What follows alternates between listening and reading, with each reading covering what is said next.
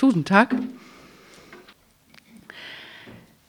Jeg havde sådan en oplevelse for nogle år siden, fordi vi, min mand og jeg, vi uh, tog på en skole, og øh, det var ikke et mindre flot sted end på Hawaii.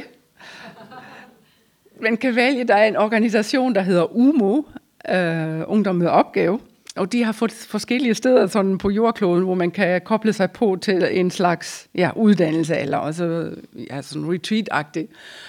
Og så stod vi der og skulle vælge mellem en lille by, der hedder Mørke her i Jylland, og Hawaii. Og øh, min mand synes, ej, vi må ofre os, vi, vi må tage til Hawaii. Nå, i hvert fald den oplevelse, jeg aldrig vil glemme, var, at vi øh, så skulle ud og snorkle en dag, og jeg har aldrig prøvet at snorkle. Så man får jo sådan en øh, kæmpe dykkebriller på med de der lange øh, halløj der. Og så skal man bare lære at stole på, at når jeg kigger ned, så kan jeg alligevel trække vejr og få vejret, og det, det skal nok gå. Altså. Nå, og vi svømmer der bare i det der, hvor de har efterladt os fra båden, eller ladt os derude i vandet, og så siger man bare, 1, 2, 3, nu gør du det. Og så kigger jeg ned, og tror ikke mine øjne. Der var, jeg tænkte, det, det, hvad sker der? Man kigger ned. Der er en anden verden, der åbner sig dernede. Altså det er ikke bare sand. Der var jo fisk. af gule, blå, al, altså alle dem, man kunne drømme om en gang at være i nærheden af, hvis man har den trang, så var de der i en masse, der gjorde mig, altså jeg, jeg skulle lige komme mig, det var jo fantastisk. Så svømmer du bare og tænker, nå, det er da dejligt, og så åbner sig en helt ny verden af under. Det har sat sig sådan lidt fast hos mig, det billede, fordi jeg tænker nogle gange, hvis vi skulle kom over skyerne hos Gud. Eller hvis vi bare kunne få et glimt af en, sådan hvis gardinerne kunne trækkes fra den usynlige verden, der er omkring os. Kan jeg ved? Kan jeg vide, hvad vi ser? Hvilken aktivitet vi ser? Hvad vi bliver måske skræmt af, eller betaget af? Kan jeg ved? Men en gang imellem har jeg sådan et indtryk af, som om der er noget, der drager os derhen. Der er noget, der giver os de glemt af indtryk. Ja, vi kan gå på gaden, men hvis vi vidste, hvad der kunne vente på os, eller hvad der sker omkring os, skal ved, hvor vores skridt kunne ændre sig, eller vores syn, forventning, blive forandret. Jeg vil nemlig læse en historie her i dag, som er egentlig øh, Folkekirkens prædikentekst. I Frederiksværk, der hvor jeg er præst, der har vi valgt i år at følge tekstrækken, men med fokus på evangelieteksterne. Og det er jo fantastisk, fordi det er andre, der har bestemt, hvad man så skal tale om. Det giver os en udfordring, fordi nogle gange har de valgt noget, man helst vil undgå at læse op af, eller prøve at tolke. Men den her tekst er faktisk en fantastisk historie, og det er i Lukas evangeliet, og så kapitel 7.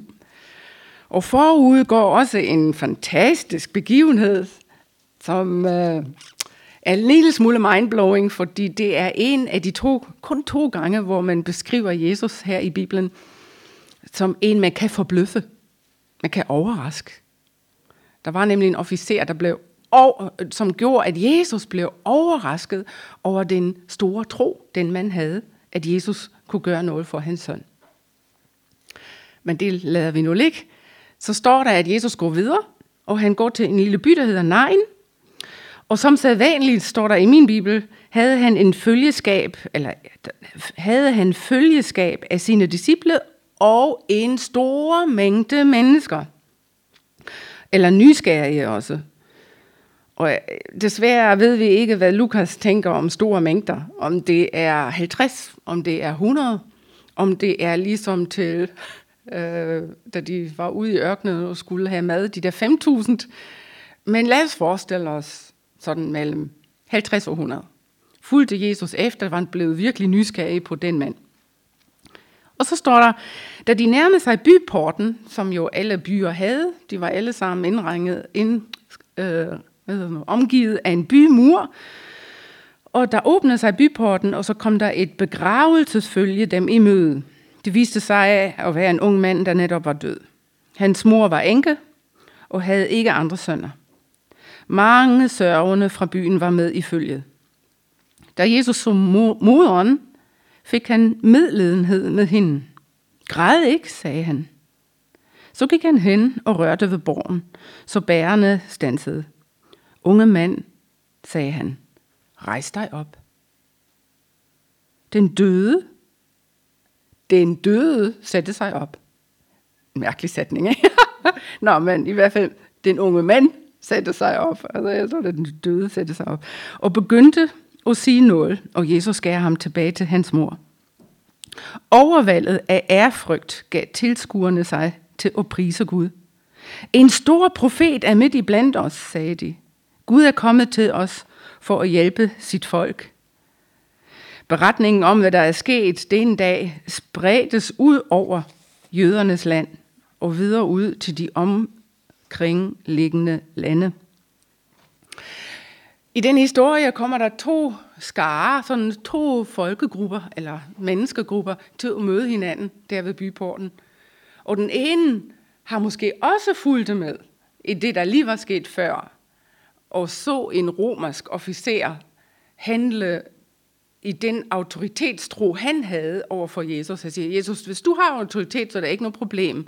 Så lyder, så er de ånder, der er i den usynlige verden, lydige mod dig. Så uanset hvad du gør, så vil alle være lydige mod dig. Og så skete det. Hans søn blev helbredt. Så de samme, måske i hvert fald disciplerne var de samme mennesker, der oplevede det fuldt til Jesus, og så stod de over for den der folkeskar, der kom ud af by, byporten. Og folkeskaren derfra, de var i dyb sorg. I hvert fald var det, var det i kulturen sådan, at man hurtigt bliver berørt og inddraget i en andens sorg og var med til at bære den. Og her var den ekstra slemt, fordi den kvinde havde kun den ene søn. Og udover at hendes fremtid nu var meget usikker, så er det bare ikke altså det, det mest umenneskelige, at en mor mister sit barn. Så det er måske også i trauma, hun har stået der, og kunne slet ikke fatte midt i det her, der der skete, hvad, hvad nu livet byder hende på. Så de stod over for hinanden. Og de følelser, Jesus så viser sig her, det er medynk. Han, han følte også med. Han mødte den mor, så hende i øjnene og så den fortvivlelse, at hun simpelthen har mistet tæppet, altså det blev revet væk under hende.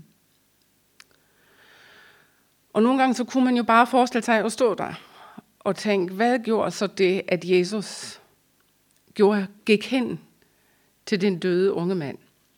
De der få sekunder, de der få øjeblikke, der gjorde, at her vidste Jesus, det er ikke bare medfølelse, det er ikke bare måske en kram eller en klem. Her er også handlekraft nødvendigt. Fordi Jesus gik jo forbi mange situationer. Han kunne jo have helbredt tusindvis af folk. Altså, der står også, der er kun det halve, vi fik ved. Det der er skrevet ned, så vi ved jo i bund og grund ikke helt, hvor mange der blev helbredt, da Jesus gik på jorden. Men han helbredte jo ikke alle. Han kom ikke på jorden, og alle, alt var godt og fuldkommen, og var ingen sygdom og nød, og hvad ved jeg, men nej. Men han, øh, han valgte her at gå hen til sønnen og tale til sønnen og sige, øh, du unge mand, rejs dig op. Og ikke kun det, han rørte ved bordet, står der. Og det er egentlig noget, der gør et menneske i, den, i, i, hos jødernes forståelse uren. Du må ikke røre ved noget, der er dødt. Så bliver du uren og trænger til at blive gjort rent. Det vil sige, du skal vaske dig på en bestemt måde, gå hen til præsten og blive gjort rent. Og selvom Jesus vidste det, at det vil give åh, en opstandelsesoplevelse af dem, altså det, jeg mener, hvad hedder det, de vil råbe af ah, forskrækkelse, fordi Jesus rørte ved borgen. Så gjorde han det. Og jeg ved ikke, om han vil få opmærksomhed, eller vil lede opmærksomhed til den begivenhed nu. Vi ved det ikke. Men det burde han ikke have gjort. Altså det, det var ikke i orden i den kultur. Men han gjorde det. Og jeg tror, det var allerede, nu går jeg ind lidt og tolker, fordi jeg oplever, at den her historie er meget karakteristisk for det liv, Jesus egentlig ønskede, øh, skal opstå via ham, og via at han kommer ind i vores liv. For den kristne tro, den kristne overbevisning, hele fundamentet, så afspejler den historie så mange ting, som er, hvordan kan jeg sige, meget relevant for i dag, for os. Og den her berøring med døden, den her berøring med traditionen og med normen og med forestillingen om, hvordan man burde og bør, det brudte han der. Og så holder han ikke der, men han taler også til den døde. Og jeg øh, tænker på, hvor vigtigt Jesus altid understregede, hans ord er. Han prøvede virkelig at sige det mange, mange gange. Lyt! Og den, der har ører, hører. Ja, har vi ikke alle ører? Nej, der er, der er noget særligt ved at lytte til det, Jesus siger. Og så øh, er der noget en ord, som blev kød, står der i Bibelen, i Johannes evangeliet, hvor Johannes, en mand, der virkelig prøvede at bringe Kristus nær os mennesker, som en personlighed, der har følelser, og der hele tiden virkelig har det budskab, du er elsket. Sådan en var Johannes. Hans hovedoverskrift og tema om hans troshistorie var, Gud elsker den her verden. Mærk det, grib det, forstår det, du er elsket. Du er et elsket væsen. Uanset hvad du ser hos dig eller andre,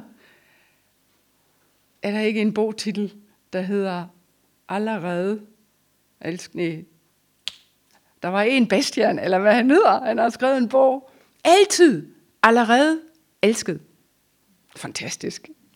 Han, greb, han har forstået et eller andet. Nå, men Johannes skriver i begyndelsen, ordet blev kød. Og når man forstår, hvad jøderne tænker om ordet, så går de jo tilbage til skabelsen.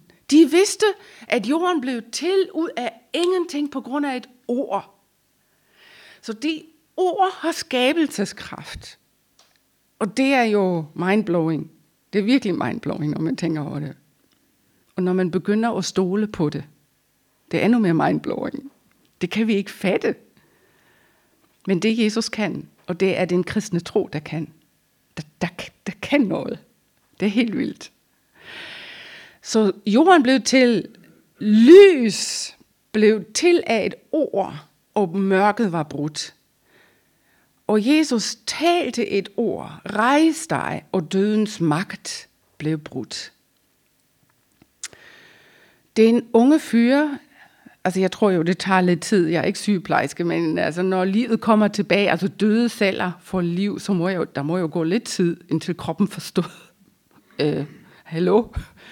Så han, han, han rejste sig, altså han satte sig op, og jeg synes, undskyld, at det er lidt komisk, at der stod den døde satte sig op, eller hvad stod der? Så han var nok halvdød. Der, livet var ikke lige kommet til hjernen. Men da han så rejste sig op, så kom hjernen i gang, og så, så begyndte han at tale. Der står ikke hvad. Han prablede måske bare løs. Vi aner det ikke. Og så fanger Jesus også det. Og så tager han ham, og fører han hen, står der, til sin mor. Og nogle gange den der bro mellem det døde til livet, har virkelig brug for nænsom at blive introduceret hvis konen, hvis den her enke virkelig var i trauma, altså i dyb, dyb, dyb chok over at have mistet egentlig hendes, hendes ikke bare elskede søn, men også fremtid, så skulle der noget nænsomt til. Noget, nogen, der, der mærker, at det her det bliver for voldsomt, hvis det går slag i slag. Så han tog ham og gav sønnen tilbage. Jeg synes, de sange, vi har sunget i dag, det er faktisk den bedste intro til den her historie, fordi jeg tror, det er bare muligt, når den kærlighed, Kristus havde til det enkelte menneske, bygger den forståelse, det er ikke bare et under, men det er et kærlighedstegn fra den levende Gud til os mennesker.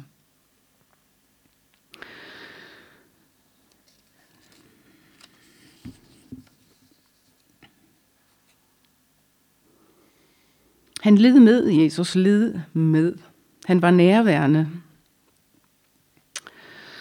Og det var udgangspunktet for hele situationen.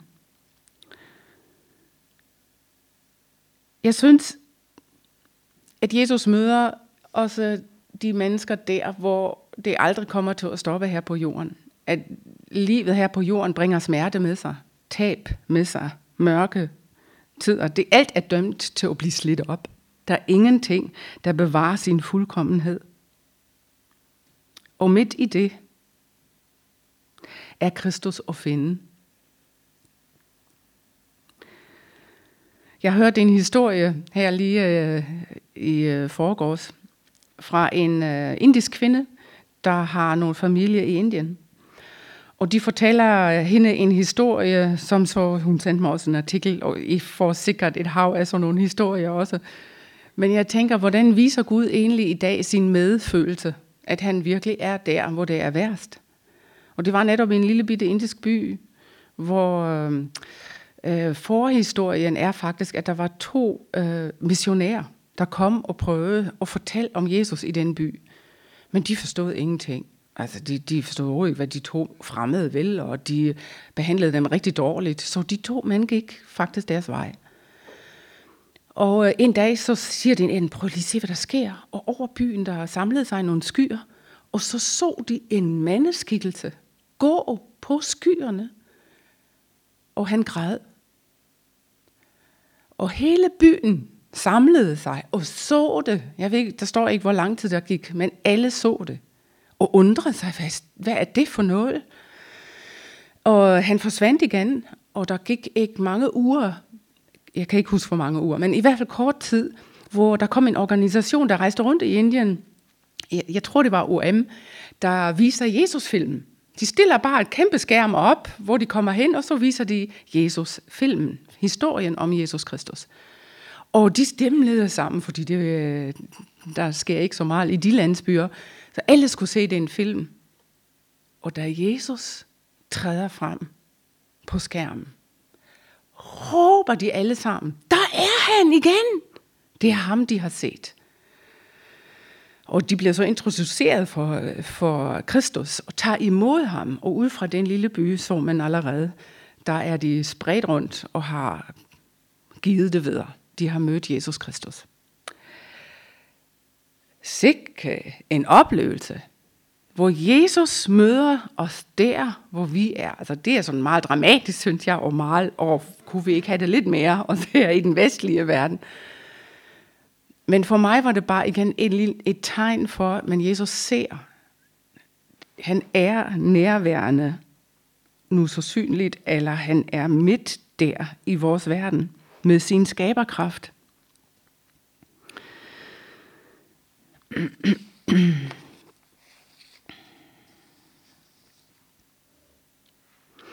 Den kristne tro fører noget andet med sig. Ikke kun det, der er synligt i den her historie, men det, Jesus også viser lidt her, hvor han har et følgeskab af folk, at så snart man åbner sig for den tro, så bliver der indgraveret tre ord i ens indre liv, på ens hjerte, stemplet eller mejslet endda. Og de tre ord har Jesus faktisk sagt til alle dem på det tidspunkt her, der vil følge ham, eller han valgte og spørge om at følge det ham. Han spurgte, kom, eller han sagde, kom. Nej, følg du mig. Det var de tre ord. Følg du mig. Og det har meget i sig, fordi det at følge Jesus, når man graver lidt i ordets betydning, så betyder det først, kan det også betyde at kopiere ham, altså efterligne ham. Se på ham og gøre det samme, som han gør. Og det, at man kopierer noget, det er jo en læringsproces og dannelsesproces. Det gør, at det, det påvirker ens personlighed, ens færdigheder, og efterhånden, så øh, har det dannet noget i en. Følg, siger Jesus. Følg mig. Og så følg du mig. Det gør, at han virkelig skraver alt væk, der er af familie, af at leve op i samfundet til nogle normer. Han siger, jeg ønsker dig, altså en relation til dig. Og hvad skal du følge? Du skal følge mig. Han stiller sig selv i centrum og siger, der er mange, der råber efter dig, at du skal følge med. Og når vi kigger på tendenser i vores samfund, der er så mange ting, man kunne følge og jagte efter, der vil optage en fuldt ud. Og jeg kunne nævne mange eksempler. Jeg tænkte også på den her fitnessbølge. Ikke? At man simpelthen pludselig ser sig sin egen krop som Gud. Tænker, det er den, jeg følger lige nu. Det optager mig. At det, der er så vigtigt i vores samfund, lige nu i hvert fald som en bølge, og, og virke med sund livsstil og overskud og energi, det bliver næsten en Gud, som jeg følger. Der kan være mange andre ting. Der var en øh, undersøgelse i USA, der slog lidt hårdt ind, synes jeg, hos mig, fordi de undrede sig over, at så mange kvinder kom ind i karrierelivet, altså fik karrierejobs. Og så øh, fandt de ud af, at øh, årsagen var, at mændene begyndte, altså et, ja, i hvert fald det højere gennemsnit, at spille spil, altså var øh, afhængige af at spille. Og det gjorde de om natten. Var timevis optaget af spillelivet. Og derfor, når de kom næste morgen, så var de lidt ligeglade, hvad der skete, og drøftede, eller hvad hedder sådan noget, mistede fokus på arbejdet, og derfor, det var en af de største årsager, at de fandt frem til, at kvinderne fyldte lidt mere i topstillinger. Mindblowing. Hvad er der pludselig sket, at hjernen bliver optaget af noget, man jagter og kun tænker på og efterlyser? Her for i år vi øh, inviterede vi en fra en organisation, der hedder Sex og Samfund. Fordi vi øh, ønskede at give os lidt mere sprog og tale om seksualitet. Og så en af de store områder, hun talte så om, det var pornografi. Hvor hun sagde, at det er en underskov i vores samfund, der dræber cellerne næsten. Hun siger, det optager hurtigere ens opfattelse af en alkohol. Alkohol skal danne, altså en afhængighed. Pornografi gør det med det samme. Kigger man, så er man addicted, altså siger forskning. Og det hun siger er, jo tidligere man starter, jo mere skaber det billeder, billeder fjernet fra virkeligheden. Så det man skaber i sit hoved af, hvordan tingene kunne være og blive, øh, fjerner en fra virkeligheden, fra realiteten. Og derfor bliver man følelsesløs. Og mange undersøgelser øh, bekræfter den her, øh, den her udsag, det her udsagn, hvor mange, mange unge går ind i en relation, og allerede på forhånd er dømt til mislykkes, fordi billeder er skabt i hovedet. Og er blevet noget, man jagter efter.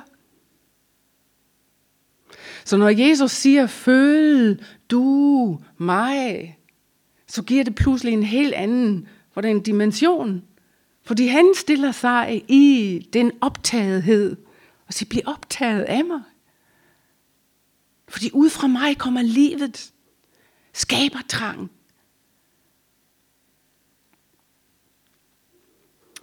Filippus, han siger i det brev, han sender, lad Jesus Kristus være jeres forbillede og efterligne hans indstilling. Vi øh, har prøvet at gøre noget ved det i Frederiksværk. Og vi har startet sådan en, øh, nu har den her kvartering om jo. Vi har knyttet os til en, øh, lige nu sådan en lille bevægelse i Danmark, der hedder Elsk Danmark, som organisation har I måske hørt om. Og så kan man vælge som by at øh, knytte sig til den organisation. Det har vi så valgt her, lige for nogle måneder siden. Og så har vi også lavet nogle bat. Jeg vil lave salg. Vi er rigtig stolte. Men det, det egentlig indeholder, det er, oplever vi, at det giver os en ramme for det, vi ønsker egentlig at leve i. At følge Jesus, det kan man gøre på mange forskellige måder, og hver især må vi finde vores vej, men også som et fællesskab må man finde sin vej. Så det første, hvad vi gjorde, det var at lave en fællesspisning her forrige uge. Det var sådan det første officielle arrangement. Men det, der gik forud, det var den her maduddeling. Jeg tror, jeg fortalte en gang, øh, hvor jeg var og besøgte jer. Men I må gerne komme bagefter, hvis I ikke har hørt det. Men det er sådan 3-4 år gammel. Hvor nogen oplevede, det er min måde, eller vores måde, at møde mennesker der, hvor de er. Der er en gruppe i vores by, der trængte virkelig til det. Åbenlyst. Og den relation, der er bygget til det, og ikke kun til de mennesker, men også til kommunen og til omgivelserne, det er virkelig rørende. Så her øh, forrige for uge, der kom nogen til den her fællesspisning, der var, har aldrig været i kirken før. Så næste gang, så er det en julehygge med klip og klistre. Og vi, de, altså dem, der er involveret i det, hold fest, hvor er man glad. Man mærker bare, det giver genklang i en. Hvor man flere mærker, sådan følger vi lige nu. Og prøver at efterligne Jesus. Fordi der, når vi spiser, så ønsker vi øjenkontakt. Og ønsker at mærke det, der bor i det andet menneske. Er enten fortvivlelse eller lykke over noget, men at følges ad og med. Vi var på en lejr sammen som menighed, og så var der en sang, vi sang rigtig mange gange. Der var sådan en lille, sådan et øjeblik, I kender det jo sikkert selv, hvor man pludselig mærker, at der løfter sig et eller andet. Og det var en meget enkel sang, der hedder Virk Helion og Virk i mit liv. En meget enkel melodi, og endelig en, en bøn jo, altså et forspørgsel, Helion virk. Og jeg giver dig tilladelse til det. Men nogle gange tænker jeg, at vi ved slet ikke, hvad vi synger. Fordi når Helligånden så begynder at virke, er der tro, at det er ham? Er der en tillid til, at det så også holder? Og er jeg villig til at tage konsekvenserne? Men vi våger. Vi sætter i hvert fald som menighed i øjeblik. og jeg tror, det hænger sammen. Det hænger sammen, når man som menighed bekender noget i disse sange, i bønden, at der bliver noget skabt. Ud af de ord bliver der noget skabt på, sin, på ens vej. Som menighed valgte vi også den bibelske historie, som I også har valgt her i, i øh, uh, vitalforløbet. Og den var, hvor Jesus uh, deler mad ud og bruger en lille drengs uh, madpakke med de to fisk og fem brød.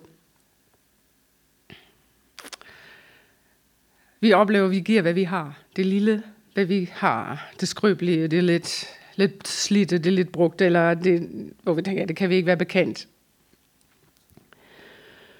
Og så øver vi også på at være enige i at være uenige.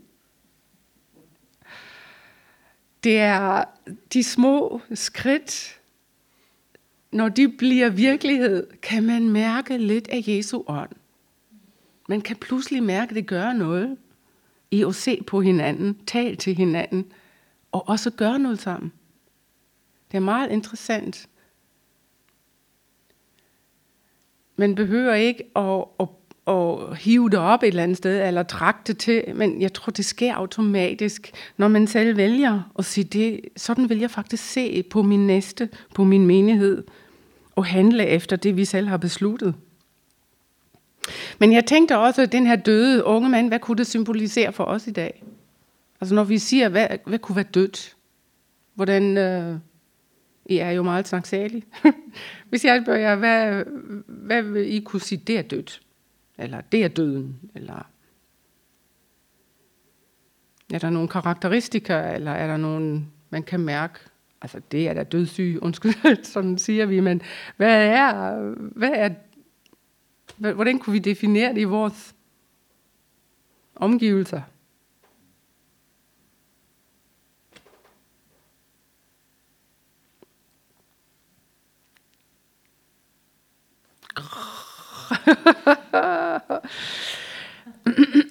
Nå, det kan jeg jo tænke videre over. jeg øh, synes, jeg, jeg skulle lige se, hvordan definerer Bibelen selv døden. Og så står der en gang var I åndeligt set døde, på grund af jeres søn og oprør mod Gud. Det er sådan det, er, det første skridt. Åndelig død, står der faktisk, man kan være. Men hvad betyder det? Åndelig død. Altså, I kender de blikke, når man kigger ind i andre mennesker øjne, så er der nogen hjemme? Hallo? Eller man kan selv nogle gange opleve sig i situationer, der er bare tomt. Der er ingenting inde i uhente. Man har glemt alt, eller man står i situationer, hvor intet er at hive op i af noget godt, eller noget, der kunne skabe noget. Altså, jeg ved ikke, om jeg kommer tættest på der, men der er bare ikke noget at byde ind med. Altså, et dødt træ er noget, der ikke bærer frugt. Også et godt billede, ikke? Der er ikke noget at nyde af. Der er ikke noget indhold. Der er ikke noget ånd, livsgnist. Det tætteste, jeg kan komme på, det er, når jeg ser mennesker uden håb. Ja, mærkeligt. Selvom de går og lever. Altså, og det har man måske også selv oplevet, ikke? At man var i situationer, hvor man tænker, jeg går her levende død. Ja, nemlig. Noget, der er dødt, det skaber vel ingenting. Ja, Altså, det er der, skaber ingenting. ja. Byd, kan ikke byde ind med noget. Altså, har, ja, der er ingen skaberkraft. Præcis. Ja. Og så prøver vi i vores samfund alligevel at arbejde med et begreb, der hedder åndsfrihed. Ikke? Altså, jeg, jeg har virkelig... Det, det ord er da fantastisk, at nogen bruger, nogle politikere, hvad de nu lægger i ordet, det er sådan en anden ting. Men selve ordet, tænkte jeg, det der, netop, så er der jo noget at komme efter. Hvis jeg efterlyser friheden til at kunne formulere mig, eller kunne byde ind med noget, så skal der jo være noget. Så der er jo en længsel at skabe noget sammen, og vil hinanden. Og på hvilket fundament er det? Man kalder også noget åndsforladt. Ikke? Det kan så være meget, men altså... Men det er en tomhed og en meningsløshed, der kan beskrive dødhed, altså at være død. Vi øh, snakkede om det i teen, hos teenagerne lidt, og så sagde en af øh, vores unge, hun sagde, ja, det er mærkeligt. Hun, hun går kun i syvende, tror jeg. Eller var det sjette? Sjette eller syvende? Nej, hun må være i syvende. Og sagde, at øh, der er så mange, der er ked af det. Og jeg sådan, Nå, hvad mener du med det? Ja, ja, åh, på Facebook er der så mange øh, tilbud for de unge, at de øh, kan komme og tale med nogen. Det er der virkelig brug for. Øh, sagde, sig mere. Hvad tænker du på? Hvad, hvad, hvad foregår der? Jamen altså, når vi snakker sammen, så, så bekræfter vi jo bare hinanden i, at det hele er dødssyg. Vi har da brug for hjælp. Så sagde jeg, hold op, mand. er, det det, I, er det det, i siger? Er der en ensomhed, en tristhed? Er der en fornemmelse af en tomhed, når ingen viser vej? Når der er ingen, der siger, sådan kan livet leves med mening. Skal jeg selv finde ud af det, og jeg kan ikke? Hvem hjælper mig? Vi fik sandelig en god snak. Fordi det vender jo tilbage også til hende. Jeg sagde, hvad har du at byde ind med? Har du hørt noget her, du kan bruge? Nej, men får det jo lige på, ikke? Nå, men vi fik virkelig en kanonsnak. Der rykker man lidt i forståelsen for, hvem Jesus er og kan, når man har været vant til, og er måske vokset op i de terminologier og den måde at leve på. Men hvornår bliver det liv? Det bliver jo liv først, når der er noget dødt, man beskæftiger sig med. Og når vi startede her i dag sangen med, ja, solen står op og bryder mørkets magt, så mærker man lyset mest, når man sidder i mørke. Og derfor tror jeg, vi er kaldet til at røre ved den mørke, ved den død, ved den ånds tomhed, eller hvad det nu, hvad, hvad kaldte jeg det, den ånds forladthed. Ja. Så hvad siger Jesus? Hvor er der liv, når han så siger, jeg vil kalde livet ud af det døde? Jeg tænkte lidt over vores sind, hvor hurtigt det kan være dødt. Altså i forhold til at være med til at skabe noget, og byde ind med noget, og være vågen i den her verden, til at kunne se og høre, ligesom Jesus har gjort. Og jeg har selv givet mig sådan nogle opgaver, hvor jeg sagde, hvis dit ord, Jesus, betyder så stor en kraft og magt, så øh, lærer mig lige lidt igen at holde mig til det. Så jeg har et, nogle vers, der følger mig altid i nogle år, hvor jeg, øh, hver gang jeg tænker på dem, jeg har sådan en app, hvor, hvor jeg kan trykke på den, og så kommer det, og så reflekterer jeg og tænker over det. Og det første, jeg gjorde for nogle år siden, det var den her vers fra Galaterbrev, hvor der står, at alt, hvad der er værd at elske, alt, hvad der er godt, nej, undskyld, alt, hvad der er, nu skal jeg lige komme tilbage til den, lad os lige se her, Galater 4, alt, hvad der er sandt, sådan starter det, alt, hvad der er sandt, alt, hvad der er edelt, alt, hvad der er ret, og alt, hvad der er rent. Alt, hvad der er værd at elske, og alt, hvad der er værd at tale godt om. Kort sagt, alt det gode skal I lægge jer på sinde. Og Gud vil give jer alt, hvad I trænger til i Kristus, i hans herlighed. Altså når man, når man har sådan et vers, og siger det højt, flere gange om dagen, flere gange om ugen, mange gange om måneden, det gør noget. Det gør noget dybt, dybt, dybt i en. Det andet vers, jeg lige nu tykker på, det er åndens frugter. Hvor også i Galaterbrev, han har sådan sin måde, og tror jeg selv, øh, Paulus der, og, og holde sig fast på noget, og hvor han siger, åndens frugt, prøv lige at se, hvad det er, når ånden bor i jer, der har taget bolig, så er frugten af det kærlighed. Helt automatisk. Glæde og fred og venlighed og tålmodighed og godhed og trofasthed og mildhed og selvbeherskelse. Hold da fast. Når man siger disse ord til sig selv, og dermed til sit eget hjerte, og dermed til den hellige ånd, siger, det er dig i mig. Ikke? og har lige kommet ud af et møde, hvor munden løbet af med en, og ordene de øh, røg ud af en.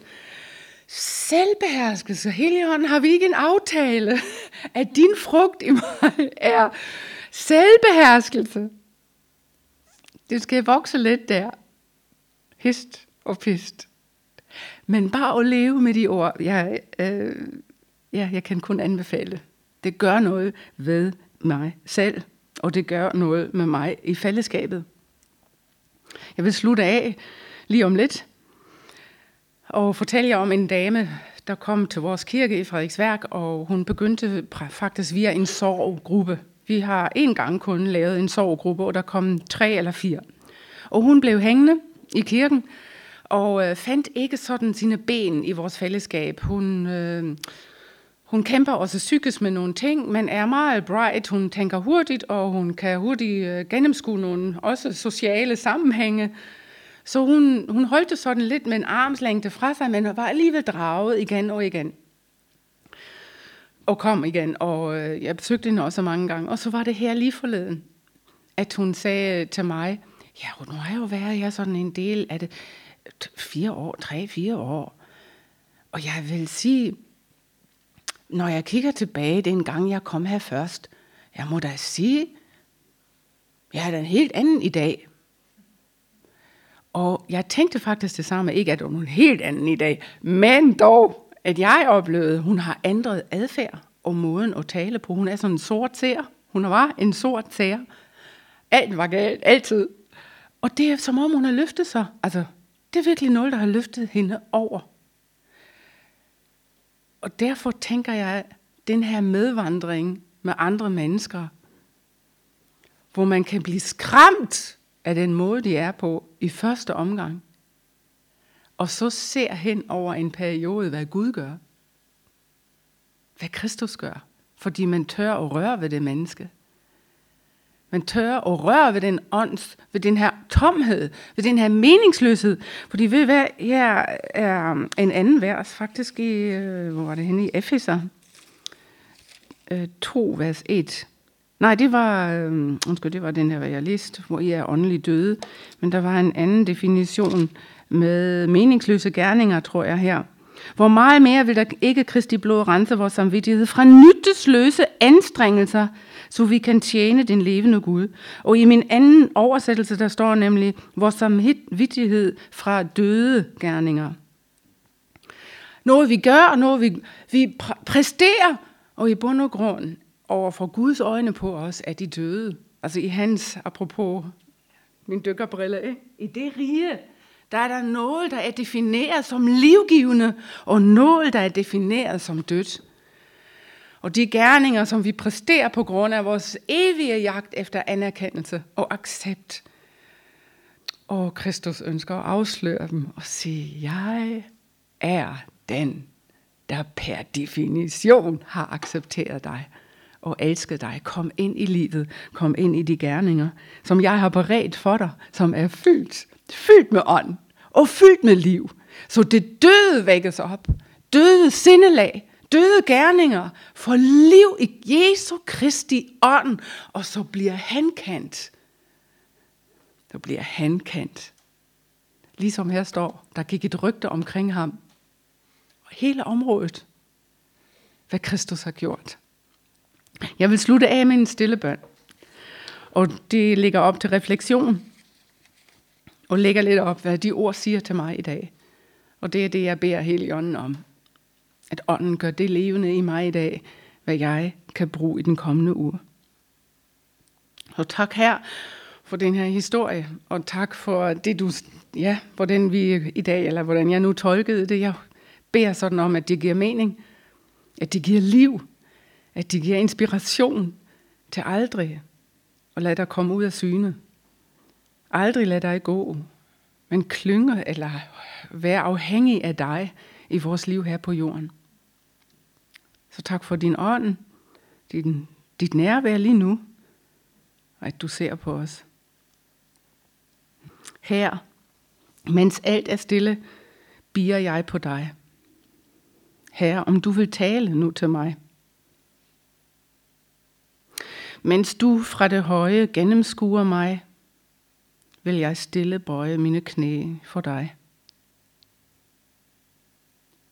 Dine ord kan smerte, men har himlens trøst. Stille skal mit hjerte lytte til din røst. Ord som vederkvær, du kun sande kan. Fyld mit tomme bær helt med livets vand. Lær mig helt og kende, hvad du vil, o Gud. Lad min lampe sande lys i mørket ud. Herre, jeg er stille vendt i bøn mod dig. Kraftens dybe kilde. Selv du åbne mig.